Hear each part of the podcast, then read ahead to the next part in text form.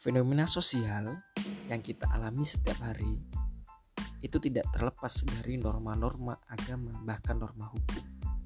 Sehingga sebenarnya tanpa kita sadari, kehidupan sehari-hari kita itu selalu ada kaitannya dengan hukum, baik hukum tertulis maupun hukum yang tidak tertulis.